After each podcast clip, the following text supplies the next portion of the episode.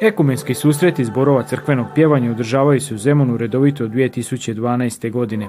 Organizatori ističu kako im je želja bila da kroz ove susrete sve kršćane potaknu da budu nosioci ljubavi, mira i radosti. Ovaj događaj je veoma važan, pogotovo ovdje za Zemunu mi živimo u, mješanoj sredini, ljudi različitih e, identiteta, nacionalnih, vjerskih i tako dalje. I meni je drago da ja tu mogu dati svoj jedan doprinos da, da se ljudi eto nađu i da vide da je to lijepo i da se može biti, da može nam biti lijepo i kad imamo e, tako neke vrijednosti koje su možda malo različite, ali zapravo sve su iste. Eto, to je za mene ekumenizam na neki način ovo jest i dio našeg poslanja, jedne zarače koju smo primili od samoga gospodina, biti u tom dodiru između istoka i zapada, rekli bismo e, između katoličke i pravoslavne crkve i drugih, dakle zajednica koje dijele istu baštinu, isto zajedništvo. Tim više što danas živimo upravo vrijeme koje je opterećeno tolikim ratnim sugobima i tragedijama koje pogađaju opet koga malenoga čovjeka. Mi smo upravo glas i vapaj toga malenoga čovjeka i naša molitva koju ćemo danas uputiti gospodinu jest vapaj za tog malenoga čovjeka. Ove godine sudjelovalo je sedam zborova koji su pjevajući slavili Boga na više jezika, a oni su predstavili grko-katoličku, pravoslavnu, evangeličku i katoličku zajednicu. Jako je divno da se okupimo oko duhovne muzike i oko duhovnih vrednosti koje su izuzetno potrebne u današnje vreme.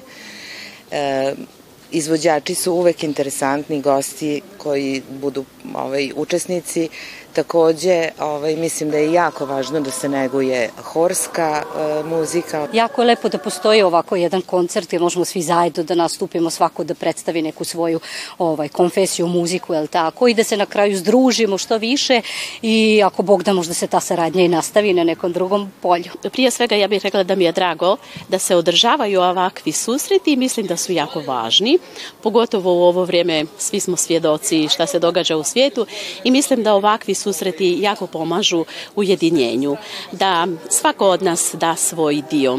E, imamo katoličkih zborova, imamo pravoslavnih, e, protestantskih zborova i mislim da je ta suradnja jako, jako važna.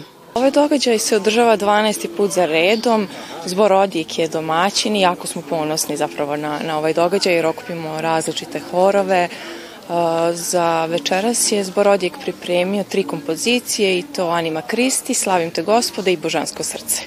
Ekumenski susret zborova crkvenog pjevanja održava se pod geslom kao što si ti oče u meni i ja u tebi, tako neka i oni u nama budu jedni.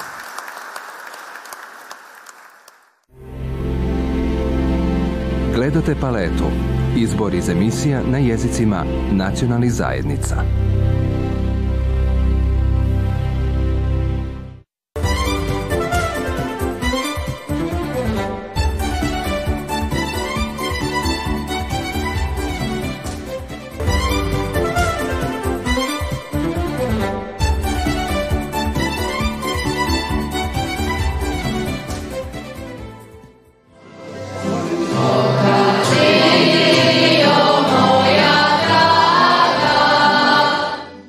Anita Đipanov Marjanović, Kulturno-umetničko društvo Hrvata Bodrog iz Bačkog Monoštora. Ja sam Vlatko Krizmanić i član sam Hrvatskog kulturnog prosvetnog društva Svilije Strahimir Krančević iz Berega.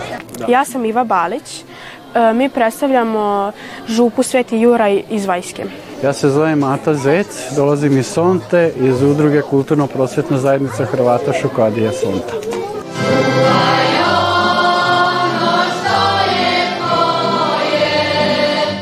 Članove šokačkih udruga Bačkog podunavlja svake godine od 2013. okuplja osjećaj pripadnosti istoj kulturi, vjeri i običajima. Manifestiraju ga održavanjem godišnje manifestacije Šokci i baština – koje je ove godine domaćin bila Hrvatska udruga u Beregu. Ova manifestacija u biti jeste nastala e, kao ideja da se na jednom mjestu sastanu e, svi šokci i da u toku jedne večeri e, pokažemo e, prebogat, prebogatu i materijalnu i nematerijalnu tradicijsku baštinu. Velika je čast prije svega da smo domaćini posle 3-4 godine ponovo. E, lipo je kad se svi mi šokci Hrvati držimo zajedno, ništa lipše nema kad u svojem selu možeš ugostiti naše ljude. Predstavilo se šest šokačkih hudova iz Sonte, Monoštora, Vajske, Plavne i Berega. Svako sa svojim pjesmom, plesom i naravno nošnjom. evo ja sam sprimita u mladu udatu ženu. Na glave imam svilenu maramu sa resama. Onda imamo plećak sa zlatem. Ispod imam košuljicu Ovde imam žuto zrnje, crveno zrnje, leper. Šokci kad se okupe, oni se većinom posvađaju, a to je normalna stvar za naš šokce. ne šalim se, dobre, baš mi je izuzetno drago da se jednom, barem godišnje, okupimo ovako svi šokci podunavskog regiona i opšte tu i, i ovaj, da učestvujemo. Šokci i baština nije međutim samo etnokulturna manifestacija, istaknuli su čelnici Hrvatske zajednice kao i počasni gosti iz Hrvatske. Ovo je dokaz i osvojenih prostora slobode, onoga što smo unutar naših višegodišnjih nastojanja u političkom životu, životu manjinske samuprave htjeli, a to je da u svakom mjestu gdje ima značajniji postok e, Hrvata postoji kulturno društvo koje može slobodno raditi. Drago mi je da možemo pomoći našim Hrvatima u Vojvodini na neki način da očuvaju svoju baštinu, da očuvaju svoju tradiciju, svoje običaje. To je ono isto što i mi pokušavamo u Republici Hrvatskoj pomoći srpsku manjinu. Isto to tražimo i pokušavamo postići i za hrvatsku manjinu u Srbiji. Okupljene pozdravila je i predsjednica HMV-a koja je na svečanosti predvodila cjelokupni sastav vijeća. Oni su prije manifestacije održali radnu sjednicu.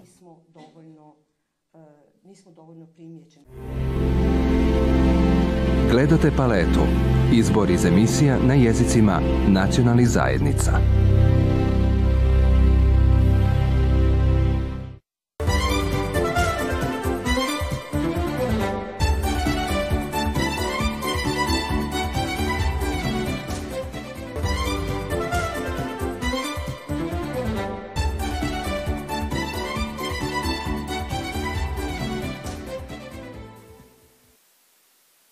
Na likovnoj koloniji, koja je održana 9. i 10. rujna, sudjelovali su slikari iz Hrvatske, Srbije, Njemačke, Kine i Australije.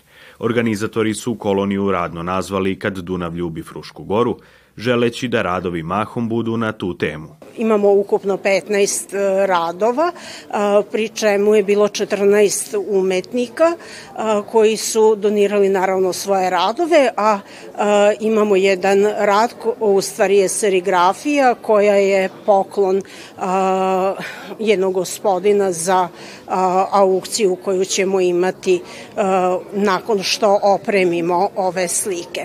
Izložba radova sa kolonije biće otvorena za posjetitelje do 19. listopada u galeriji Macut u okviru programa nazvanog Spens živi. U toku je akcija na Spensu pod nazivom Spens živi koju smo pokrenuli u maju mesecu ove godine sa ciljem da mladim i neafirmisanim umetnicima pružimo priliku da izlože svoje radove negde u prostorima Spensa, to je da im organizujemo ili izložbe ili muzičke nastupe.